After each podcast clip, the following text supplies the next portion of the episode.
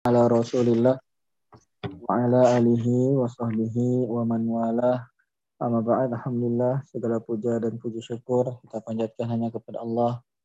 Atas semua nikmat yang Allah berikan pada kita di antara nikmat tersebut. Allah berikan kesempatan terus pada hari ini alhamdulillah untuk bisa bertemu untuk bisa saling nasihat dan menasehati bisa mempelajari agama Allah Subhanahu wa taala ini. Ya. Dan itu adalah nikmat yang besar ya, kita bisa mempelajari agama itu diberikan kesempatan belajar agama itu adalah nikmat yang terbesar dan mempelajari agama termasuk juga bagian dari berzikir kepada Allah, mengingat Allah. Salah satu bentuk berzikir atau mengingat Allah adalah dengan mempelajari agamanya. Nah, perintah untuk berzikir kepada Allah dan di dalamnya ada bagian mempelajari agama ini diperintahkan oleh Allah Subhanahu wa taala berfirman azkurkum ingatlah aku aku akan mengingat kalian. Washkuruli wala takfurun. Bersyukurlah kepadaku dan janganlah kalian menjadi orang-orang yang kufur. Allah memerintahkan ya fadkuruni azkur Pikirlah kalian kepadaku dan dimaksud di dalam zikir ini luas. Zikir itu ada dengan lisan mengucapkan kemudian berzikir dengan mengingat nama-nama Allah Subhanahu wa taala dan sifat-sifatnya. Dan juga di antara berzikir kepada Allah adalah dengan mengingat perintahnya dan larangannya dan mempelajari hal-hal yang berkaitan dengan itu dan di antaranya adalah belajar. Belajar adalah berzikir. Oleh karena itu Allah washkuruni. Bersyukurlah kalian kepadaku karena tidak semua orang diberikan oleh Allah Subhanahu wa taala hidayah untuk bisa berzikir kepada Allah, untuk mengingat Allah Subhanahu wa taala, untuk bisa belajar dari agama Allah Subhanahu. Oleh karena itu, patut kiranya bagi kita untuk bersyukur tatkala kita diberi kesempatan untuk belajar agama itu nikmat yang sangat agung. Nikmat yang bisa mengantarkan kita menuju surganya Allah Subhanahu wa taala. Ya, ilmu agama adalah salah satu jalan, salah satu cara atau salah satu wasilah mengantarkan seseorang ke dalam surga Allah Subhanahu wa taala. Ya. Dan juga menuntut ilmu termasuk salah satu tanda bahwasanya orang yang belajar agama itu diinginkan oleh Allah kebaikan Man yuridillahu bihi khairan. Barang siapa yang orang yang Allah kehendaki kebaikan pada dirinya, Allah pahamkan dia masalah agama. Jadi ketika orang itu paham masalah agama, mempelajari masalah agama, itu salah satu ciri bahwasanya Allah menginginkan dirinya baik. Ya. Dan tadi jalan menuju surga, man salaka tariqan yaltamisu ilman Tahalallahu lahu bihi tariqan ilal jannah. Siapa menempuh perjalanan untuk menuntut ilmu, maka Allah akan mudahkan baginya jalan menuju surga. Semoga Allah Subhanahu wa taala mengumpulkan kita di surganya. Baik, salawat serta salam semoga tercurah kepada Nabi kita Muhammad sallallahu alaihi wasallam, pada istri-istri beliau, keluarga beliau, sahabat-sahabat beliau dan orang-orang yang senantiasa mengikuti beliau dengan baik. Baik, eh, teman-teman yang dirahmati Allah Subhanahu wa taala, kembali melanjutkan pembacaan kitab tauhid pada bab minasyirki al an yastagitsa bi ghairillah aw yad'u aw yad'u termasuk kesyirikan beristighosah kepada selain Allah dan berdoa kepada selainnya. Nah, ini sudah pernah dibahas sebagiannya yang belum kita selesaikan. Tetapi saya akan sedikit review atau murojaah mengingatkan kembali tentang bab ini. Ya, kemarin kita telah bahas bahwasanya termasuk kesyirikan berarti kesyirikan itu punya beberapa bentuk atau punya beberapa macam di antara bentuk atau macam kesyirikan adalah yang kita bahas yaitu beristighosah kepada selain Allah. Selain ini ada enggak bentuk kesyirikan yang lain banyak. Di antara dari jenis-jenis atau bentuk-bentuk kesyirikan tersebut adalah beristighosah kepada selain Allah dan berdoa kepada selain Allah. Nah, istighosah sebetulnya adalah bagian dari doa. Ya. Nah, istighosah itu adalah salah satu doa, yaitu doa untuk meminta pertolongan setelah terjadinya kejadian. Itu istighosah ya setelah kemarin kita sebutkan bedanya isti'azah, istighosah dengan isti'anah. Istighosah minta pertolongan setelah terjadinya sesuatu. Nah, ini masuk kesyirikan tatkala kita beristighosah kepada selain Allah itu khusus dan lebih umum lagi juga termasuk berdoa kepada selain Allah jika kita berdoa kepada selain Allah maka ya naudzubillah termasuk kesyirikan jadi lafat-lafat doa dalam Al-Quran, dalam hadis, maka yang dimaksudkan dengan doa, sebagaimana telah dibahas, ada dua jenis doa, doa masalah dan doa ibadah. Lafat-lafat yang ada doa berdoanya begitu, maka masuk dua jenis uh, apa doa tersebut. Ya. Nah di sini beliau menyebutkan beberapa dalil ya yang mendasari bahwasanya beristighosah kepada selain Allah dalam secara khusus dan secara umumnya adalah berdoa kepada selain Allah itu termasuk jenis kesyirikan. Yo membawakan ayat wala tad'u min dunillah. Janganlah engkau berdoa kepada selain Allah. Ya. Nah, wala tad'u dan kita ketahui bahwasanya kata doa tadi yang ada dalam lafaz-lafaz Al-Qur'an termasuk ada dua jenis tadi. Berarti tidak boleh berdoa dengan doa masalah dan tidak boleh pula berdoa dengan doa ibadah. Dan ini larangan. Wala tad'u. Janganlah kalian berdoa. Atau janganlah engkau berdoa ya. Larangan sebagaimana ada dalam usul fikih cabang ilmu usul fikih kita mengetahui sesuatu itu diharamkan bila karena adanya larangan Ya, jika dilarang berarti menunjukkan sesuatu itu haram. Asalnya begitu. Hukum asal larangan adalah haram. Wala tad'u dan ini berarti haram karena memang yang dilakukan adalah perbuatan kesyirikan. Wala tad'u min dunillah janganlah engkau berdoa baik doa masalah ataupun doa ibadah kepada selain Allah sebabnya apa? Malah yang karena selain Allah itu tidak bisa memberi manfaat kepadamu dan tidak bisa juga memudorotkanmu. Tidak bisa yang selain Allah itu mendatangkan kemudorotan. Atau kita tidak bisa atau kita tidak akan mendapat kemudorotan apabila kita tidak melakukan peribadahan kepada selain Allah. Tidak ada mudorotnya sama sekali. Fa innaka fa in fa'alta fa innaka idzan minaz zalimin. Dan kalau engkau melakukannya maka sesungguhnya engkau termasuk orang-orang yang zalim yaitu orang-orang yang berbuat kesyirikan. Karena kata zalim terkadang yang dimasukkan juga adalah kesyirikan. Karena kesyirikan adalah sezolim-zolimnya sebuah kezaliman. Ini menunjukkan bahwasanya berdoa kepada selain Allah termasuk kesyirikan dan secara khusus termasuk di dalamnya juga istighfar. Doa umum secara khusus karena istighfar itu sebetulnya bagian dari doa. Ya, yang pertama kemarin itu.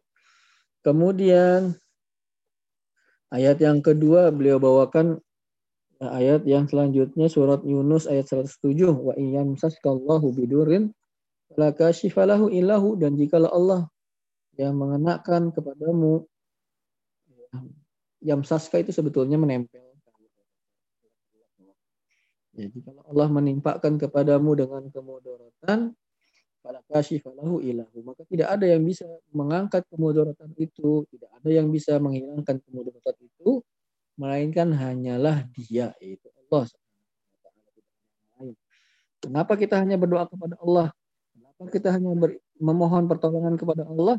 Karena Allah Subhanahu wa taala ya karena selain Allah tidak bisa memberikan manfaat dan mudarat dan ketika ada mudarat itu datang kita menimpa maka yang bisa mengangkatnya, bisa menghilangkannya hanyalah Allah Subhanahu wa taala. Maka konsekuensinya apabila hanya Allah Subhanahu wa taala yang bisa mengangkat semua jenis kemudaratan yang ada pada kita, Allah yang bisa memberi manfaat, maka selayaknya kita berdoa ya kepada Allah. Karena selain Allah nggak bisa. Ngapain?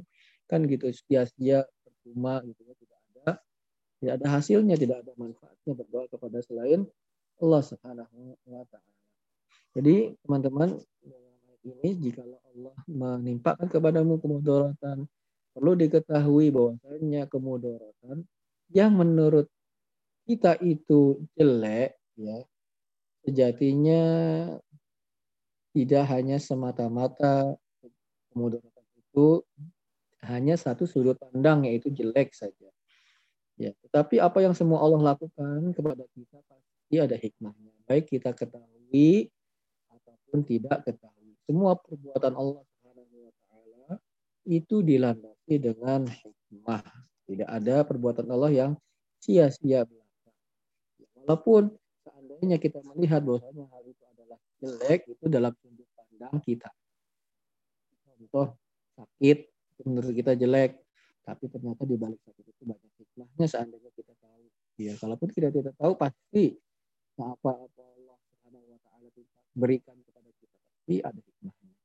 Kita bisa lebih dekat lagi kepada Allah. Ya, dan selainnya itu. Dan semuanya kemudaratan itu tidak ada kemudaratan yang aslinya hakikatnya 100% kemudaratan. Pasti di balik itu ada hikmahnya. Dengan adanya neraka, kita neraka itu mudarat dengan adanya neraka kita jadi eh, menjauh dari berusaha terus jauh dari neraka tersebut. Dengan adanya setan kita terlalu waspada dari kegodaannya demikian. Walaupun sekilas nampaknya hal-hal tersebut adalah mudarat, tapi ternyata di balik kemudaratan yang kita pandang tersebut terdapat hikmah.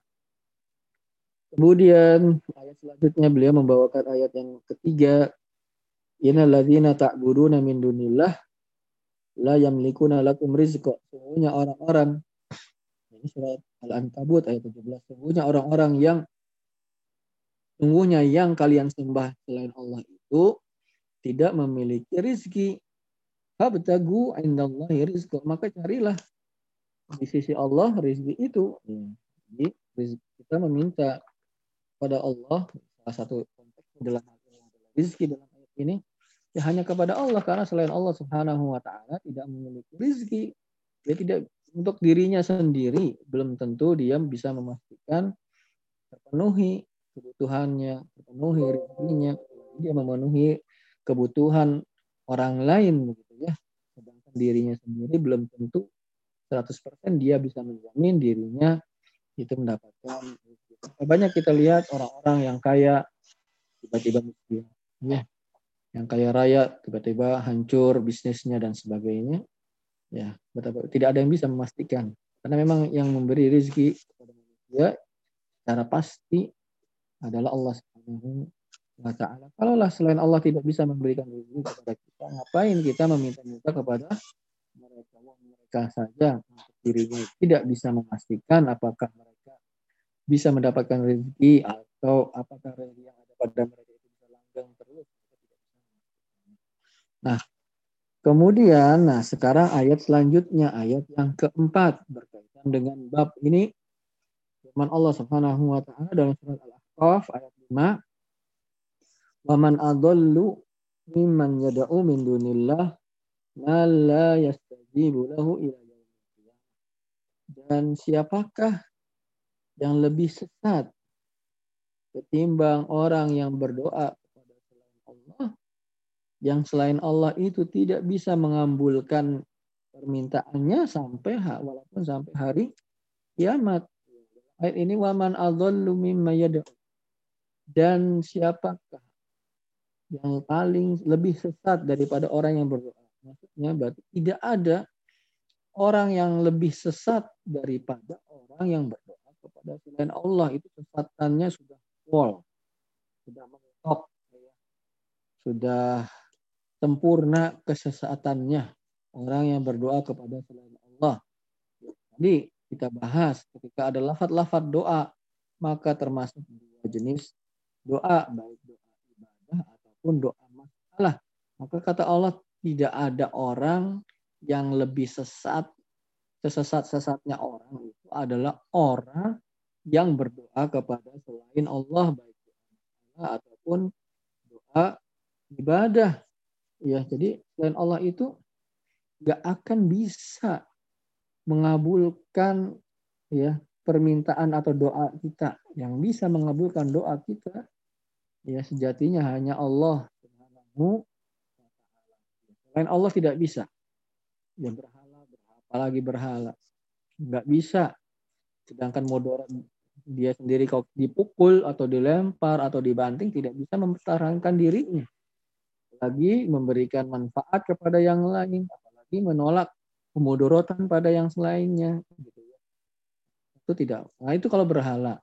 Kalau bukan berhala, ada yang selain Allah dimintain ibadah doa. Contohnya orang-orang yang sudah meninggal.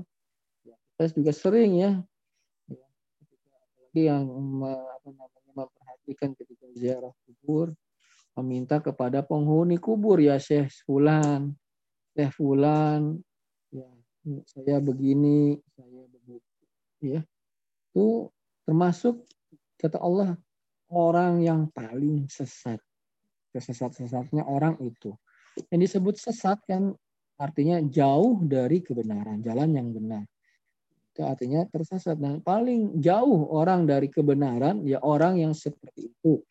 Berdoa kepada Allah padahal yang selain Allah itu tidak bisa mengabulkan doanya walaupun dia berdoa terus sampai hari kiamat. Nggak akan bisa mengabulkan. Ya orang-orang yang sudah meninggal itu tidak akan bisa mengabulkan permintaan kita. Seandainya dari sekarang nih ya hari Ahad ya sampai hari kiamat terus berdoa tuh di depan orang yang meninggal itu di depan di depan orang yang meninggal atau berdoa wali siapa yang sudah meninggal. Sampai hari kiamat kalau terus full nggak ngapa-ngapain doa terus itu kata Allah la yastajibu lahu ila yaum. Tidak akan bisa dia mengabulkan permintaan atau doa kita walaupun sampai hari kiamat. Nah, Allah tegaskan lagi dalam ayat yang lain dalam surat Fatir ayat 14 bagaimana orang-orang yang meninggal, bagaimana orang-orang yang eh, bagaimana yang selain Allah, ini adalah orang yang meninggal, sudah wafat, itu tidak bisa mereka mengabulkan doa kita. Allah berfirman, intada'uhum, jika kalian berdoa kepada mereka, orang-orang yang meninggal, yang dianggap wali sudah meninggal, jikalau kalian berdoa kepada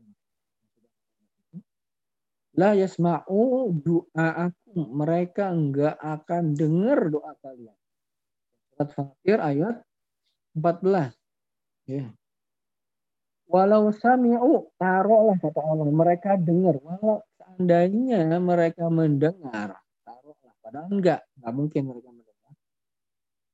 Mastajabu lakum, mereka tidak bisa mengijabah doa. Jadi kalau kita berdoa kepada orang yang sudah meninggal, mereka tidak bisa mendengarnya. Ya. Tidak bisa mendengar doa kita. Kata Allah, kalau lah, taruh lah, udahlah. Ya oke. Andaikan mereka bisa dengar. Andainya mereka mendengar. Padahal enggak. Mereka tidak akan bisa berbuat apa-apa. Seandainya bisa dengar pun. Tidak ada, tidak ada yang mereka bisa lakukan kecuali hanya sekedar mendengar saja.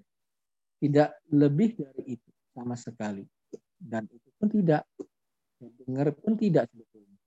Dengar saja tidak, apalagi mengabulkan doa. Seandainya dengar saja, pun mereka tidak bisa berbuat apa-apa. Wa yaumal qiyamati yakfuruna bisyirkikum. Pada hari kiamat mereka mengingkari kesyirikan yang kalian lakukan. Berdoa kepada orang-orang yang sudah meninggal ini meminta kepada mereka itu adalah termasuk kesyirikan dan mereka berlepas diri pada hari kiamat dari kesyirikan yang kita lakukan, dari doa-doa yang kita lakukan. Wa yaumal qiyamati yakfuruna bisyirkikum pada hari kiamat dari kesyirikan yang kalian lakukan. Jadi teman-teman yang dirahmati Allah Subhanahu wa taala, Allah mencela mencela orang-orang yang berdoa kepada selain Allah dan termasuk di dalamnya karena doa itu luas salah satu Berarti orang yang beristighosah kepada selain Allah adalah orang yang paling sesat. Oh jangan suka nyesat-nyesatin. Jangan merasa diri paling benar loh. Bukan kita yang bilang Allah subhanahu wa ta'ala yang berfirman. Surah Al-Ahqaf. Nah, kalau Allah subhanahu wa ta'ala yang sudah berbicara pasti benar. Kalau kita mungkin bisa jadi salah. Tapi Allah berfirman, yang paling sesat itu orang seperti itu bukan dari perkataan itu keluar dari kita, tapi dari firman Allah surat Al-Ahqaf. Ayat 5 itu orang yang paling sesat adalah orang yang berdoa kepada selain Allah Subhanahu wa taala ya. Baik. Eh wa ma adalu mimma yad'u min dunillahi ma la yastajibu lahu ila yaumil qiyamah wa hum an du'aihim ghafilun. Dan mereka dari doa-doanya orang yang meminta kepada mereka dan mereka yaitu orang-orang yang dimintakan doa itu wahum an doaihim wahum dan mereka yaitu orang-orang yang dimintai doa yang sudah meninggal itu an doaihim dari doa-doa orang-orang yang meminta kepada mereka. Ini ada mereka mereka nih nih itu gofilun mereka sendiri ya lalai. Tidak perhatian. Ya. orang yang paling sesat adalah orang yang berdoa kepada selain Allah.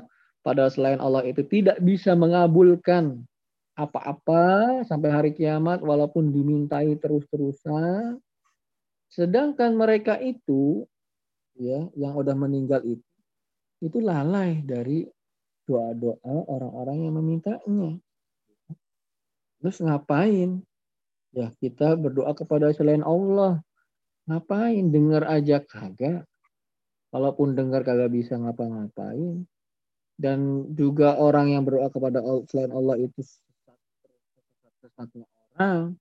Karena nggak bisa mengabulkan walaupun sampai hari kiamat. Kalau begitu kita berdoa selain Allah. Padahal itu bisa kita cerna dengan mudah.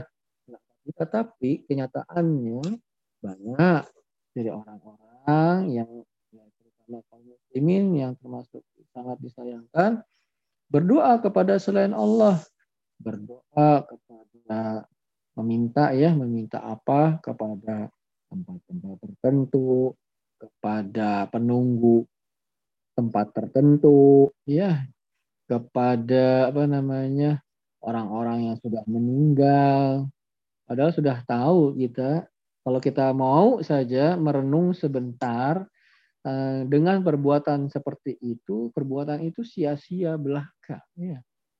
ya mungkin merasa kalau orang yang udah meninggal di kuburan itu ada aura mistiknya gitu ya.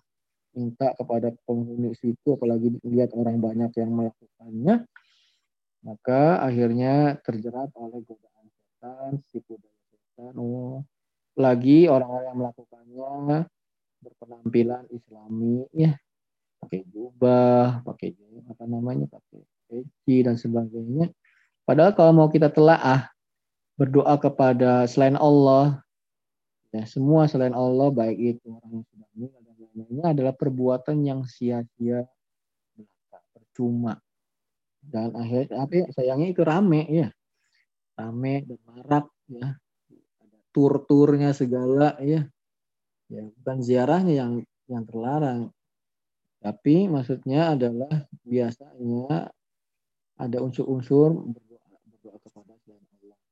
Dan tiga juga kita diperbolehkan memang sebetulnya untuk melakukan pergi jauh safar gitu ya ke sebuah tempat melainkan hanya ke beberapa tempat saja Masjidil uh, yang Masjidil Haram dan Masjidil Aqsa.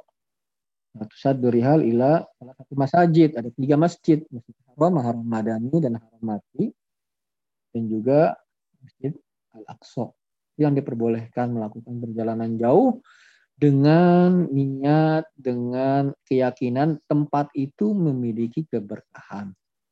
Ya, adapun ke tempat yang lain, ke kubur-kuburan itu sama kuburannya siapa wali siapa itu sama pada hakikatnya dengan kuburan yang lainnya.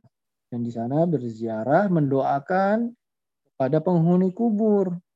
Bukan meminta doa kita dari atau menunjukkan doa kita.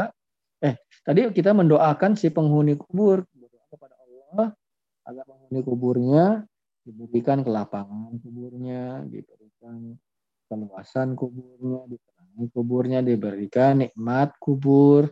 Demikian bukan malah dimintai.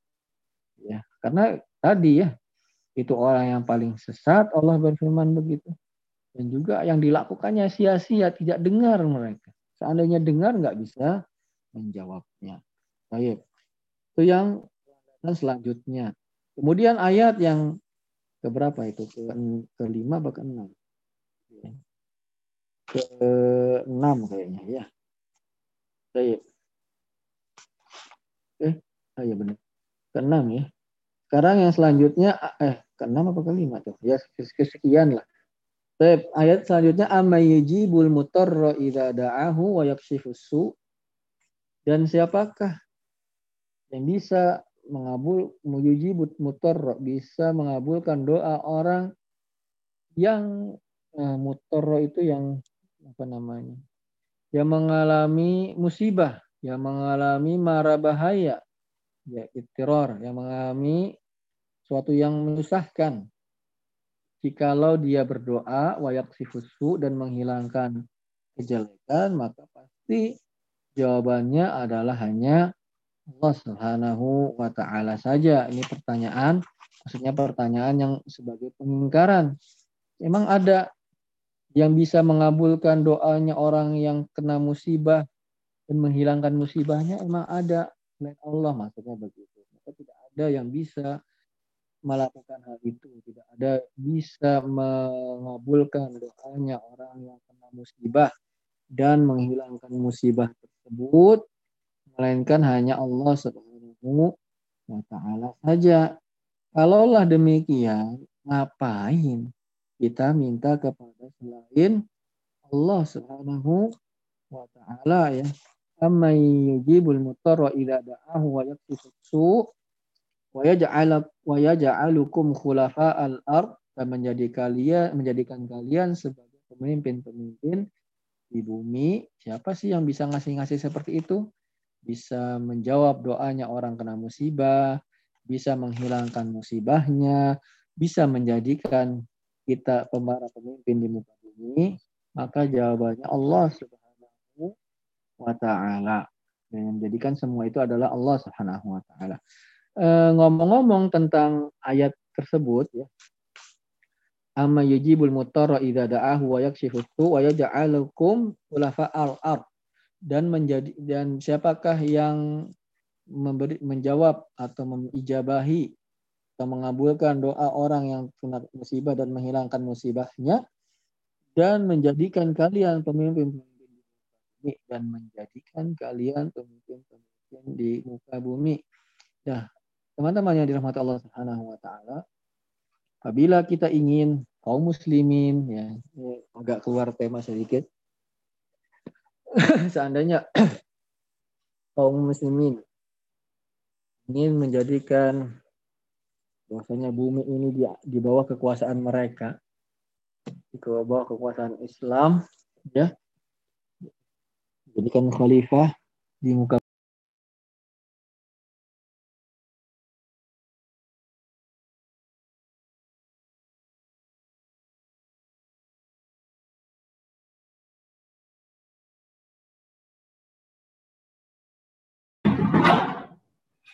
Halo Ustaz, itu termut Ustaz. Halo. Halo, Assalamualaikum. Salam, ya Ustaz. Sampai mana tadi terputusnya? Saya termut Ustaz. Ya, sampai mana tadi termutnya? Terakhir ya. yang saya ngomong yang mana? Ya, ini juga lupa Ustaz. Yang menjadikan khalifah Ustaz. Nah, oh, itu khalifah. Anak 062. Bila kita kaum kaum muslim menginginkan khilafah, menginginkan kepemimpinan di muka bumi, eh, maka syaratnya itu sebetulnya dibilang gampang, gampang, dibilang nggak gampang juga nggak gampang, gampang gampang nggak gampang begitu ya. Maka ada beberapa syaratnya sebagaimana Allah Subhanahu wa taala berfirman, intinya sih kita soleh gitu. Kita jadi orang yang bertakwa kepada Allah. Maka Allah akan berikan itu khilafahan. Dan bagaimana kita menjadi soleh? Kita bertauhid, bertauhidkan Allah, menjauhkan syirik. Maka khilafahan itu akan datang, insya Allah. Apa buktinya? Buktinya adalah firman Allah Subhanahu wa taala surat Al-Anbiya ayat 105 ya. Allah berfirman walaqad katabna fi zabur. Jadi kalau kita ingin khilafah ya jadi soleh lah kaum muslimin gitu. Jadikan kaum muslimin ini soleh. Bagaimana kesolehan mereka? Intinya kesolehan mereka adalah mereka bertauhid dengan tauhid yang benar, menjauhi syirik. Wah, tauhid mulu. Tauhid syirik, tauhid syirik khilafah, masa tauhid lagi, tauhid lagi. Buktinya firman Allah Subhanahu wa taala Walaqad katabna fi zabur min ba'di dzikri. Dan sungguh telah kami tulis di dalam kitab Zabur. Min ba'di dzikri setelah kami tetapkan di Lauhil Mahfud annal ardo bahwasanya bumi ini yarisuha akan diwariskan, akan diberikan ibadiyas salihun untuk hamba-hambaku yang soleh. Jadi bumi ini akan diberikan kepada orang-orang yang soleh. Bila kita ingin ya bahwa khilafahan tegak di muka bumi, maka jadikan kaum muslimin orang-orang yang soleh. Akan datang khilafahan. Kemudian bagaimana soleh itu? Intinya adalah bertauhid dan menghilangkan, jauhkan, menjauhkan mereka kaum muslimin dari kesyirikan. Ya. bagi orang yang nggak suka tauhid dan syirik itu ya agak alergi gitu ya dengar tauhid lagi, tauhid lagi. Syirik dikit-dikit tauhid, dikit-dikit syirik, tapi memang begitu teman-teman. Tauhid dan jauh dari kesyirikan adalah sumber dari semua kebaikan. Sumber kebaikan seluruhnya ada pada mentauhidkan Allah Subhanahu wa taala dan sumber kejelekan itu berpusat dalam kesyirikan kepada Allah. Nah, ketika seorang atau kaum muslimin itu tauhidnya lurus mereka dan jauh mereka dari kesyirikan maka Allah Subhanahu wa taala akan berikan kepada mereka kekuasaan di muka bumi. Ini Allah berfirman dalam surat Nur ayat 55. Surat An-Nur ayat 55. Wa'adallahu alladhina amanu minkum. Dan Allah menjanjikan kepada orang-orang yang beriman dari antara kalian. Wa amilus solihat dan yang beramal soleh layas takhlifannahum Allah akan jadikan mereka berkuasa fil ardi di bumi ini. Kama stakhlafal ladzina min qablihim sebagaimana berkuasanya orang-orang yang sebelum mereka. Wala yumakkinanna lahum dinahum dan Allah akan teguhkan bagi mereka agama mereka. Alladzi tadallahum yang Allah ridhoi untuk mereka. Wala yubaddilannahum min ba'di khaufihim amna dan Allah akan ganti rasa takut mereka dengan rasa aman. Apa?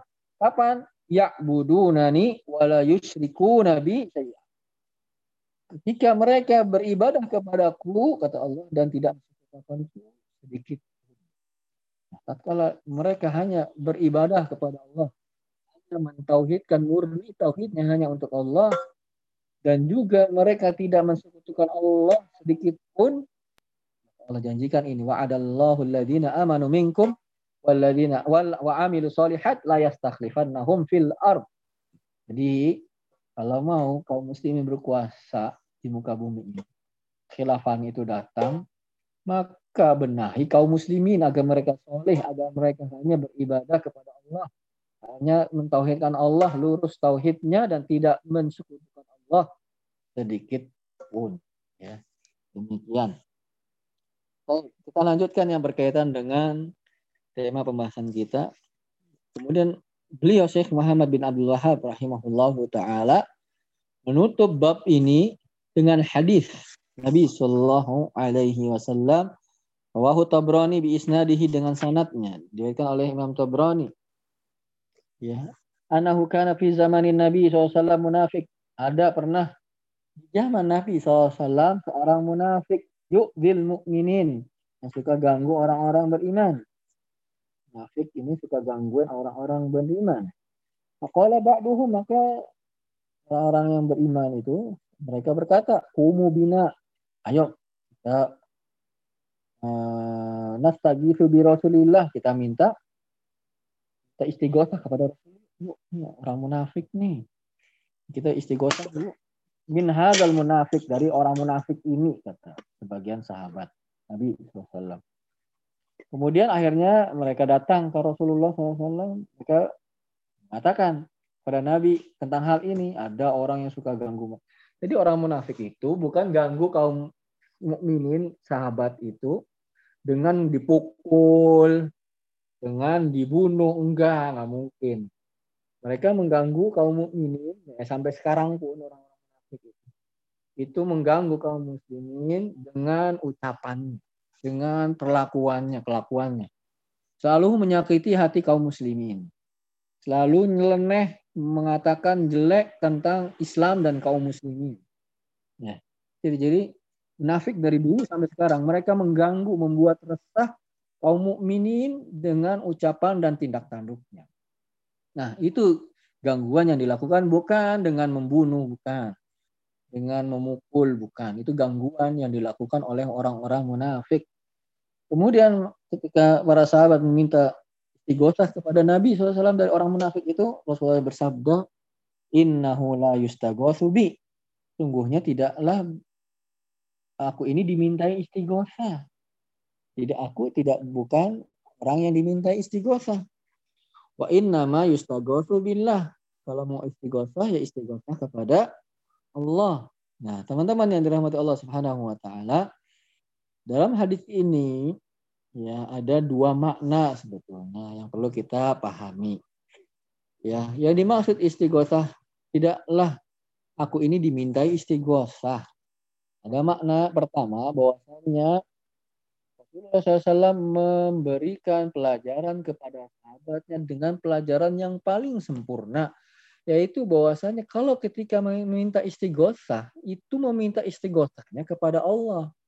Nah, itu yang paling utama yang paling sempurna ketika seorang itu beristighosah hanya kepada Allah walaupun diperbolehkan meminta tolong kepada selain Allah dengan syarat yang kita telah sebutkan pada pertemuan sebelum-sebelumnya. Walaupun boleh tetapi yang paling sempurna adalah seseorang itu meminta tolong kepada Allah Subhanahu Allah semata. Itu yang paling sempurna. Nah, karena itu yang pernah kita bahas juga tentang rukyah. Ya, dia tidak minta dirukyah karena tawakalnya tinggi kepada Allah Subhanahu wa taala bukan rukyahnya. Dilarang tetapi dia menahan diri dari sesuatu yang boleh dengan melakukan sesuatu yang lebih sempurna dari itu. Nah, karena itu demikian pula dalam hadis ini Rasulullah SAW memberikan pelajaran yang paling sempurnanya, yang paling uh, baiknya adalah ketika beristighosah itu bukan kepada selain Allah. Walaupun boleh dengan syarat-syarat yang telah disebutkan. Tetapi yang paling sempurna itu adalah beristighosah kepada Allah Subhanahu wa taala. Itu maknanya satu. Dan ada juga makna yang lain ya para ulama menjelaskan tentang hadis ini bahwasanya yang dimaksud dengan innahu la bi sungguhnya aku tidaklah diminta istighosah Maksudnya dalam kasus ini khusus, ya. Karena Rasulullah SAW itu memperlakukan orang-orang munafik pun di zamannya seperti memperlakukan sahabatnya orang-orang beriman secara lahir, secara nampaknya, ya. yang yang tidak yang tersembunyi, ya tidak. Punya nampaknya diperlakukan sebagaimana Islam ketika orang bersyahadat dan tidak diketahui melakukan pembatal-pembatalnya ya dia dihukumi secara zahirnya adalah Islam. Ya Allah yang, yang tahu. Apa apa yang dibalik hatinya. Tetapi salah satu karakteristik munafik dari zaman bahula hingga zaman now mereka suka mengganggu orang-orang yang beriman. Nah berarti kita hati-hati nih kalau kita sering mengganggu Islam, menjelekan Islam, menyerang Islam. Kaum mukminin orang-orang yang beriman kepada Allah, hati-hati jangan-jangan ada sifat kemunafikan dalam orang tersebut. Gitu. Na'udzubillahi min dalik. Jadi kalau kata Rasulullah jangan kasus ini saya nggak bisa karena saya memperlakukan semua orang itu yang zahirnya Islam ya saya perlakukan sebagaimana Islam begitu. Ya, selama dia tidak melakukan perbuatan-perbuatan membunuh, kemudian melukai orang lain dengan fisiknya, ya nggak bisa dikisos, nggak bisa dilakukan hukuman-hukuman begitu secara Islam. Jadi kasus ini yang jangan saya tidak bisa apa namanya eh, memberikan uh, hukuman kepada mereka orang-orang munafik selama mereka akhirnya tetap Islam dan tidak melanggar hukuman-hukuman tertentu yang memang ada onisnya dalam Islam gitu. Seperti membunuh seperti melukai nah itu ada onisnya kalau ya melukai perasaan itu sulit gitu ya. Melukai perasaan seseorang dan yang lainnya itu sulit. Ada hukum tersendiri gitu. Hukuman fisik tersendiri gitu. Nah demikian. Nih ini adalah ya eh, yang dua makna ini ya dua-duanya adalah makna yang yang benar yang kuat bahwasanya sempurnanya seorang ketika dia ber, apa minta tolong adalah hanya kepada Allah Subhanahu wa taala saja itu sesempurnanya ya, permintaan tolong seseorang hanya dia bertolong minta tolong kepada Allah Subhanahu wa taala semata. Ya. Kalaupun dia diberi pertolongan kepada orang lain, di dalam hatinya harus dia hadirkan perasaan atau diyakini bahwasanya orang tersebut atau pihak tersebut hanyalah sebagai perantara saja.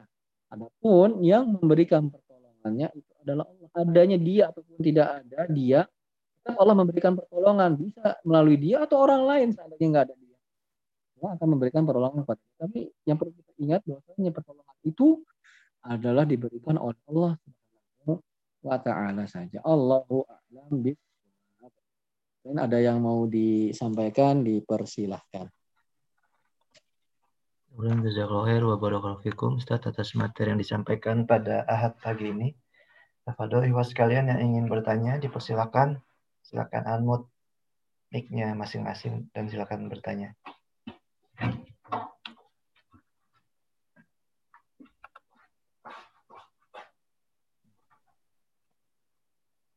Ya, Pak Anji, ingin bertanya, Ji?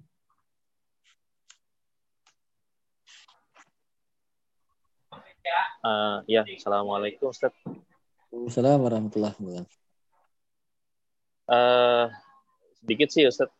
Uh, ya. Kalau misalnya gini, kadang-kadang kalau uh, dalam apa ya, dalam keseharian itu kita bukan bukan berarti tidak apa ya, apa ya, tidak secara langsung mengatakan bahwa uh, walaupun kita mengatakan pada diri kita sendiri meniatkan dalam hati bahwa kita bermohon sama Allah, meminta tolong sama Allah tentang suatu hal gitu. Tetapi apa ya? Terkadang itu tadi uh, antara kita sebenarnya uh, sadar atau tidak sadar gitu bahwa kita pada akhirnya di ujung-ujungnya itu sebenarnya kita bermohon kepada Allah terhadap suatu perkara gitu. Nah, uh, apa namanya khawatirnya kita lalai gitu Ustaz khawatirnya itu kita lalai gitu nah apakah uh, ada sebuah khususan bahwa yang seperti itu itu uh, apa ya bisa dianggap lalai atau tidak gitu dok hmm. misalnya uh, kayak apa namanya uh, kita kayak kode kode misalnya contoh saya gini saya menghadapi pasien-pasien saya gitu ya dengan hmm. kondisi uh, si pasien ini ada ada ada yang dikeluhkan. Kemudian saya melakukan suatu uh, apa tindakan penanganan yang bisa yang biasa saya lakukan gitu. Hmm. Memang uh, secara pekerjaannya itu niatnya ya lillah aja gitu. Di samping memang hmm. mengerjakan secara SOP menurut uh, apa namanya menurut yang memang uh, menjadi objek tugas saya, tetapi uh, kan namanya uh, kesembuhan itu memang asalnya dari Allah gitu ya. Entah itu nanti hmm. uh, dengan apa yang saya lakukan itu uh, uh, berjalan dengan baik, hasilnya bisa cepat uh, didapat, progresnya bisa cepat terlihat gitu, hmm. maupun tidak gitu. Tetapi kadang-kadang kitanya sendiri ya namanya sambil berjalan dalam kegiatan sehari-hari itu takutnya kita lalai gitu. Berarti itu gimana ya, Ustaz? Kitanya lalai apa orang yang minta tolong ke kitanya lalai bahwasanya pertolongan itu dari Allah? Iya, bisa di kedua sisi gitu, bisa dari kitanya atau bisa dari orang yang kita sedang. Maksudnya kita yang apa namanya, yang menyembuhkan atau kita yang karena saya sesuai SOP jadi sembuh gitu. Mm -mm, jadi kadang-kadang hmm. uh, apa ya saya saya khawatirnya itu kadang-kadang kayak kita itu uh,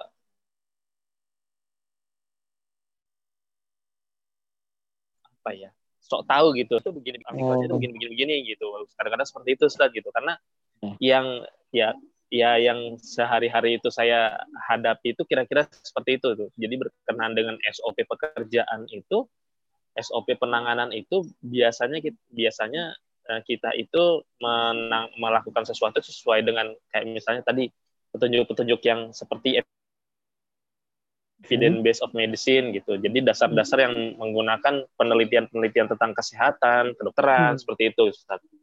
Lebih hmm. seperti itu. Baik, masya Allah ya.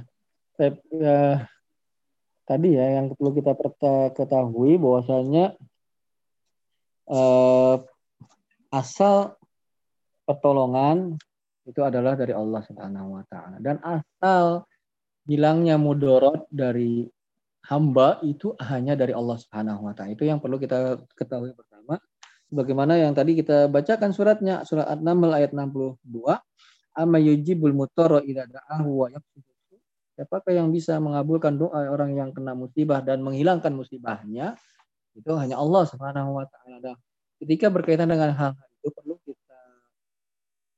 ikan misalnya dari orang yang meminta pertolongan kepada kita, seandainya kita melihat adanya kemungkinan dari dirinya untuk ketergantungan atau menganggap bahwasanya suatu kemudahan itu datangnya dari kita, maka kita kita beritahu orang tersebut.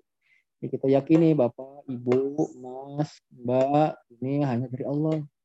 Ya, walaupun memang biasanya orang udah tahu, tapi bukan masalahnya bukan tahu, sering kali lupa atau lalai dari sesuatu yang telah diketahui tersebut. Nah, itu makanya diingatkan. Yang Pak, Bu, Lina, ya, Alhamdulillah, Bapak dan Ibu melalui saya. Adanya saya nggak ada, ya kalau Allah sudah menetapkan pertolongan datang, ya orang lain mungkin yang akan menolong Bapak dan Ibu. Atau dari mana ya arah pertolongan itu tidak disangka-sangka. Hanya saya sebab saja gitu. Itu yang perlu kita lakukan seandainya kita melihat orang tersebut ada potensi dia lalai. Kedua, kita juga meyakinkan diri kita ya.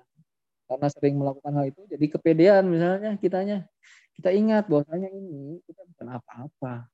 Ya. Seandainya Allah mendatangkan kemudaran kepada kita pun kita nggak bisa ngapa-ngapain kecuali kita memohon kepada Allah Subhanahu wa taala. Itu juga dari sisi kitanya kita perlu hadirkan lagi bahwasanya benar-benar semua ini pertolongan ini, kemudahan ini yang bisa saya sampaikan kepada orang itu asalnya dari Allah Subhanahu wa taala, bukan dari sayanya karena sayanya ahli ya, karena sayanya sudah eh, ekspor gitu apa sudah lama jam terbangnya dan bukan itu hanya pertolongan dari Allah Subhanahu wa taala. Betapa banyak orang yang ahli ya tetap tidak bisa menolong sesuatu hal. Ya, itu perlu kita perhatikan dari dua sisi dari kitanya kita yakini juga diri kita kita hadirkan dalam hati kita bahwasanya apa yang pertolongan atau manfaat yang kita berikan kepada orang itu asalnya dari Allah Subhanahu dan juga kita yakini dan kita hadirkan dalam hati orang yang kita tolong seandainya ada potensi besar mereka lalai kita ingatkan. Baik, itu ya Mas Panji ya. Jadi dari sisi kita kita yakini bahwasanya atau kita hadirkan kembali itu pertolongan dari Allah. Orang yang kita minta yang minta tolong kita kita beritahu bahwasanya pertolongan itu hanya dari Allah Subhanahu berdoa kepada Allah. Ya kalau kita ya Bu, Pak bantu saya dengan doa ya. Insya Allah mudah-mudahan ini dan demikian dan demikian. Jadi kita ingatkan mereka kepada Allah Subhanahu wa taala. Demikian Mas Panji. Iya, Ustaz. Syukran Ustaz saya, saya sekarang saya gantian nanya ya sebelum saya ditanya saya bertanya dulu Jadi kan tadi ya yang mengabulkan doa tadi kan banyak ayat-ayatnya ya. Itu kan cuma Allah Subhanahu wa taala selain Allah nggak bisa kan ya jawab doa pertanyaan.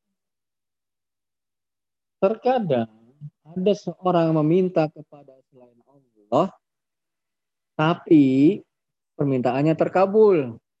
Contoh ya, ada orang yang datang ke kuburan fulan berdoa minta anak misalnya, eh lahir tuh anak tuh. Nah, gimana itu? Bapak, berarti terkabul dong, ya enggak? Berarti bisa mengabulkan selain Allah. Ya itu datang ke makam ini, si itu tuh pernah datang itu minta ini sembuh misalnya sakitnya. So, punya keturunan misalnya. Bagaimana itu jawabannya? Ya.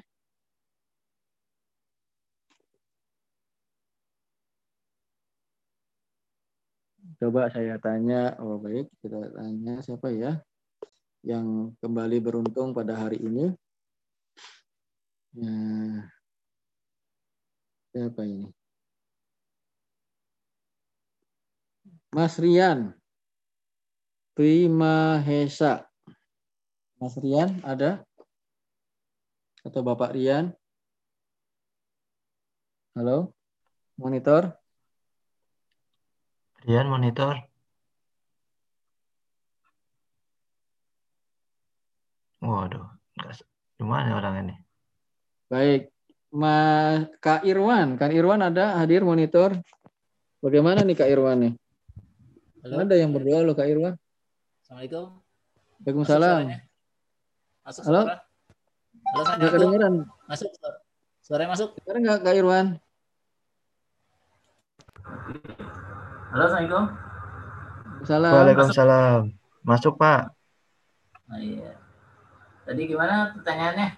Uh, Ini, ada kan, orang... kan apa yang bisa mengabulkan doa hanya Allah tuh Kak Irwan. Hmm. Tapi ada juga ternyata dengar-dengar orang pergi ke kuburan apa gitu berdoa minta keturunan dapat keturunan minta sembuh sembuh gimana kak Irwan hmm. uh, itu mungkin kalau menurut saya ya hmm. itu dari perbuatan dari jin atau yang gaib gitu jadi hmm. karena yang gaib itu biasanya juga mereka punya ilmu juga gitu. Hmm. Kalau di goib itu kan juga ada dokter, ada teknisi dan macam-macam juga sama kayak di manusia kan gitu. Nah, tapi kan tetap aja intinya mereka itu berbuat syirik karena minta pertolongan kepada selain Allah. Gitu. Hmm. Jadi uh, jadi uh, hal itu terjadi kan doa itu terkabul bukan terkabul jadi uh, terbukti gitu ya bukan terkabul. Hmm. Tapi kan namanya jin di balik kebenaran ada seribu kebohongan. Gitu. Hmm. Jadi banyak ingkarnya daripada uh, benernya. Oh ya ya ya betul betul betul. Begitu. Baik, baik. Jazakallah khair Kak Irwan. Baik.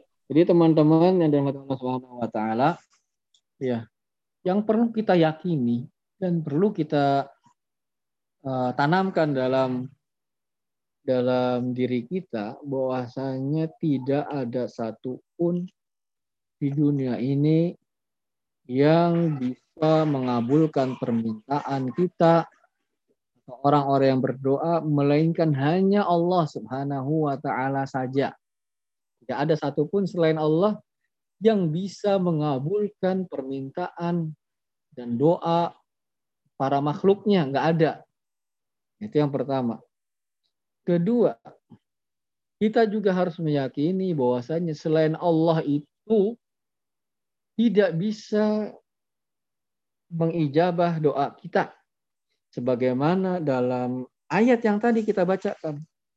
Ya, "Waman adallu mimma yad'u min dunillah man la yastajibu lahu ila yaumil qiyamah." Selain Allah itu tidak akan bisa mengijabah, mengabulkan permohonan uh, para hambanya, walaupun para hamba tersebut berdoa memohon kepada selain Allah itu sampai hari kiamat pun gak akan bisa.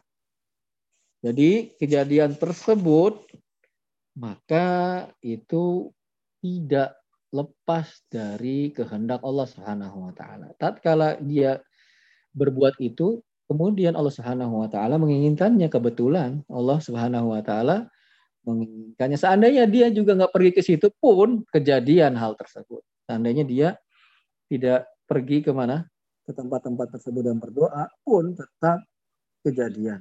Ya, jadi yang perlu kita ketahui bahwasanya tidak ada satupun yang bisa mengabulkan doa hamba seorang doa seorang yang berdoa. Sampai hari kiamat pun nggak ada yang bisa mengabulkannya kecuali hanya Allah Subhanahu wa taala Jadi itu hanya faktor kebetulan. Pas keadaan itu Allah Subhanahu wa taala memberikan yang dia uh, ingin-inginkan sebelumnya begitu. Jadi tidak mungkin selain Allah Subhanahu wa taala itu bisa memberikan tidak ada satupun makhluk yang bisa melakukan suatu hal kecuali jika Allah menginginkannya. Bagaimana Allah berfirman wa ma tasyauna illa Allahu rabbul alamin. Dan tidaklah apa yang kalian inginkan ya melainkan itu di bawah keinginan Allah jadi manusia atau makhluk punya keinginan tapi keinginan makhluk tersebut tidaklah mungkin di luar dari keinginan Allah Subhanahu wa taala. Tatkala suatu perbuatan itu terjadi, maka itu hakikatnya Allah yang menginginkan hal tersebut terjadi. Demikian. Baik, ada lagi yang mau disampaikan? Halo, Ustaz. Mm -hmm. Pak Irwan mau bertanya. Iya, iya. Jalan ya? Boleh? Boleh, boleh Kak Irwan. Kalau saya bisa saya jawab, kalau enggak ya buat PR aja. bisa lah, Ustaz. Bisa lah. Ah, ini. Tadi kan istiqomah ya, meminta pertolongan gitu ya. Mm -hmm ya. Jadi jika kan kalau tadi yang uh, tadi ikhlas ya tadi dokter ya? Jadi misalnya uh, dia dia di kalau terbaik kalau dia itu diminta pertolongan kan? Nah itu kalau dia itu lainnya gini mungkin ya. Tadi saya dengar mungkin bisa jadi uh, karena dia udah terbiasa dengan kasus yang apa namanya dia tangani gitu kan. Nih ketemu lagi kasus yang sama dia jadi lalai lupa bilang insya Allah gitu. Hmm. nah terus dia langsung membilang pasti oh pasti ini gejalanya ini obatnya ini ini ini ini gitu ya. Padahal kan hmm. kan tetap aja Allah yang menentukan ya. Betul. Gitu. nah itu termasuk lalai dan kita perlu bertobat ya beristighfar ya setelah itu. Ustaz ya. Hmm. ya asal nah, nah itu ya. itu posisi dari seorang dokter ya hmm. kepada pasien. Nah dokter itu lalai gitu ya, lalai karena dia karena sering bertemu dengan kasus itu dan biasanya sembuh dengan penanganan dia, jadi dia lalai langsung aja ngomong ini pasti ini pasti ini pasti udah nggak bakal nggak nggak bakal meleset dah gitu kan. Hmm. dia langsung memberikan itu, emang sembuh, tapi kan istilahnya dia nggak mesti bersandarkan kepada Allah gitu. Nah itu. Ya itu kesalahan di situ ya. Nah hey. bagaimana kalau sebagai jadi seorang pasien gitu ke dokter yang tersebut gitu. Terus mm. nah dokter tersebut itu non muslim gimana Ustaz? ya ya ya ya. Eh, kalau dokternya non muslim itu yang repot ya karena mereka, dia memang tidak asalnya tidak meyakini hal-hal terutama berkaitan dengan akidah dalam agama ya. Islam. Makanya dia ya tidak beriman kan gitu ya. Yang tapi yang perlu kita ketahui eh, eh, sering kali karena sudah terbiasa jadi suatu yang terbiasa itu biasanya eh, suka berjalan mengalir begitu saja dan eh, itu yang perlu kita waspadai gitu ya. Kalau kita ya, Kita biasa menangani ini pasti begitu, menangani itu pasti begini hasilnya. Nah itu ya kalau kita sebagai seorang muslim itu yang perlu kita eh, hal-hal yang seperti itu yang perlu kita jangan sampai lengah dan lalai begitu karena suatu hal yang sering terjadi kemudian berdasarkan teori-teori tertentu ya hasilnya kalau A ya jadi B dan sebaliknya dan seterusnya maka itu yang perlu kita uh, waspadai gitu ya karena khawatir itu mengurangi uh, nilai tauhid kita kepada Allah Subhanahu wa taala. Kalau ini sakitnya begini-begini, oh udah minum ini aja, ya sembuh. Itu sembuh itu bisa sembuh.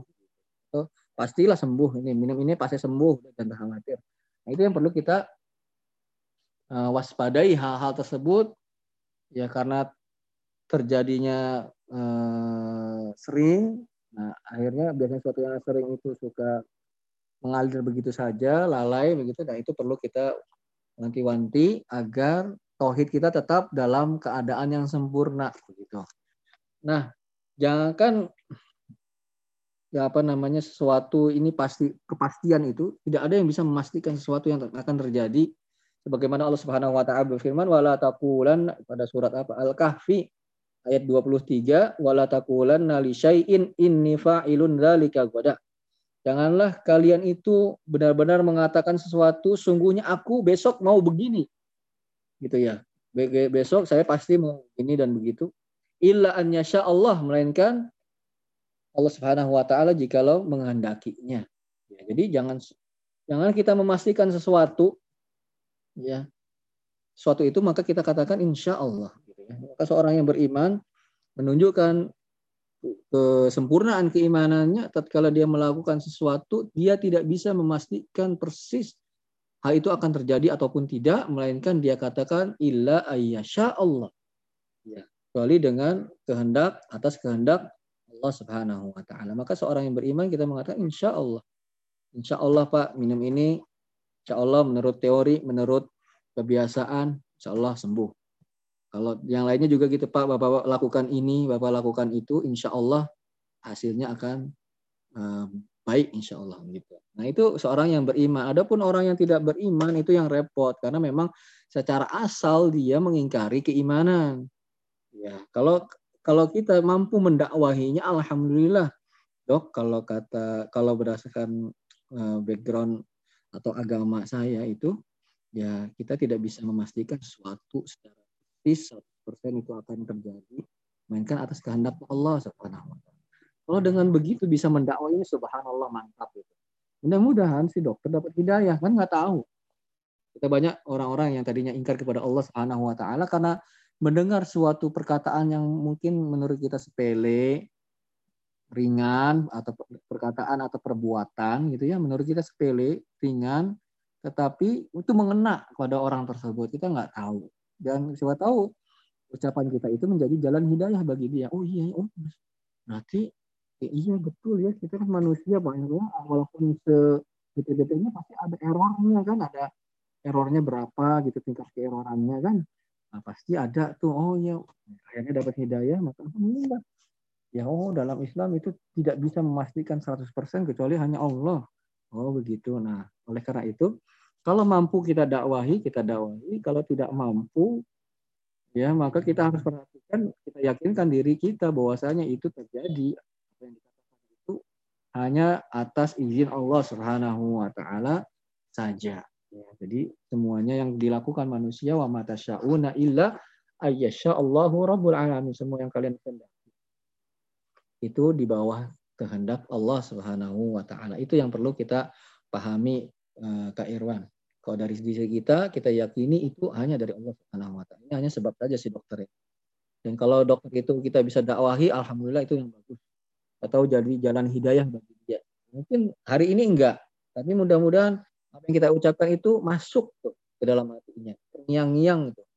Orang Islam itu dia mereka tidak bisa memastikan 100% sesuatu walaupun akuratnya berapa persen tapi nggak bisa 100% mereka yakini ada faktor X yang lain. Itu kehendak Tuhannya misalnya. Masya Allah. Ya, Masya Allah. Oh, bagus banget ya misalnya dapat hidayah. Ya hidayah itu di tangan Allah. Walaupun dia nggak mau hidayah ya itu bukan urusan kita. hidayah itu hanya di tangan Allah Subhanahu wa taala. Nanti ada bab khusus tentang hidayah tersebut. Kita hanya bisa menyampaikan. Mudah-mudahan itu menjadi sebab hidayah baginya gitu. Allah alam bisawab.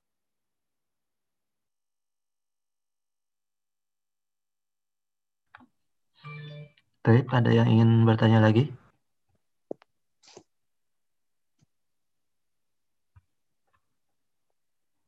Nampaknya sudah tidak ada yang bertanya lagi, Ustaz. Kita tutup, Ustaz. Oh, iya. Ya, baik, misalnya. Uh, sebentar, Terakhir, Anda cuma ngasih saran aja, boleh? Ya, boleh, boleh, Kak, Kak Irwan. Ya, lain kali, Ustaz, videonya dimunculin lah. Dimunculin? ngabisin pulsa nggak Kak Iman? Pulsa ya? enggak. Ngabisin kuota nggak kalau pakai ada gambarnya? Oh gitu, oke okay, oke. Okay. Biasanya sih ngabisin ini pulsa yang pendengar. Oh pendengar, kalau saya enggak? Ya Pak, okay. Ustadz juga sama-sama oh, iya, iya. iya. saling download gambar. Jauh nggak? Hilangnya jauh nggak? Ya? Jauh nggak? Jauh apa cuma sedikit? Jauh, Ustadz. Oh, terasa, jauh. terasa oh, saat kalau pakai video. Ingatlah muka-muka saya ya. nah, gitu-gitu aja kayak rumah.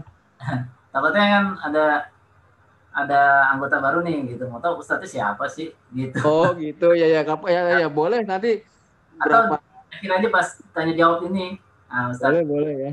Tapi nggak full kali Kak Irwan ya. Hah? Nggak full kali ya.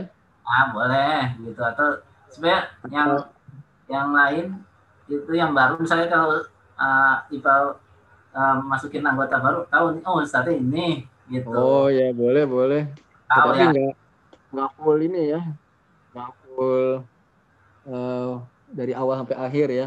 Iya di akhir aja atau pas tanya jawab aja gitu. Gitu ya mukanya tengkoraknya begitu. Kan mau lihat nih Ustadz nih wajahnya kan cerah gimana gitu karena kalau ada lampu insya Allah. Iya, iya, ya, boleh insya Allah nanti Nggak, salah ini. Gitu. Ya. Oke. Oke, makasih Ustaz. Ayo, Pak Irwan, insya Allah.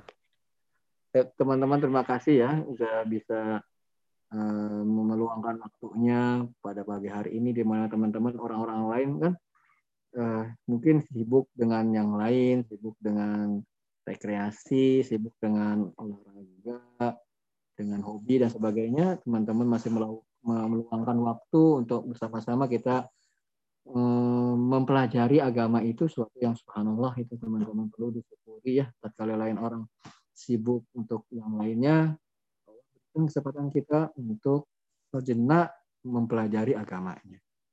Ya, terima kasih sekali saya kembalikan kepada Pak Pai. Baik, kita tutup kajian kita pada Ahad pagi hari ini. Insya Allah nanti kita bertemu lagi di minggu depan dan di waktu yang sama insya Allah. Kita tutup dengan doa kaful majelis. Subhanakallahumma wa bihamdika asyhadu an la ilaha wa atubu ilaik. Syukran jazakallahu khair wa barakallahu fikum. Assalamualaikum warahmatullahi wabarakatuh. Waalaikumsalam warahmatullahi wabarakatuh.